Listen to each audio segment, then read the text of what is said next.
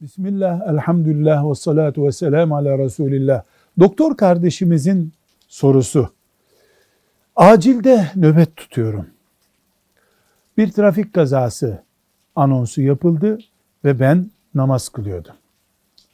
Üç rekat daha kılsam acil vakalar için bu bir tehlike. Namazı bozdum ve vaka ile ilgilendim.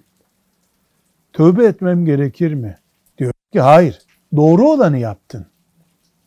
Çünkü can riske girdiğinde kazası yoktur.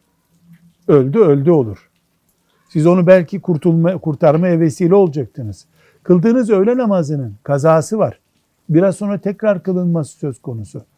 Doktor veya onun gibi itfaiyeci, benzeri cana acil müdahale görevi taşıyanlar namazın son rekatında bile olsalar bu tip iki dakika beklemez işlerde namazı bozmak zorundadırlar.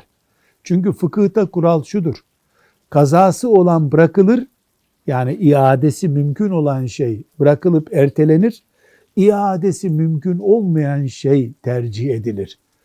Cana müdahalenin iadesi yok. Çok doğru yaptınız. Bundan sonra da böyle yapın. Ama söz konusu can olduğu zaman tabii. Velhamdülillahi Rabbil Alemin.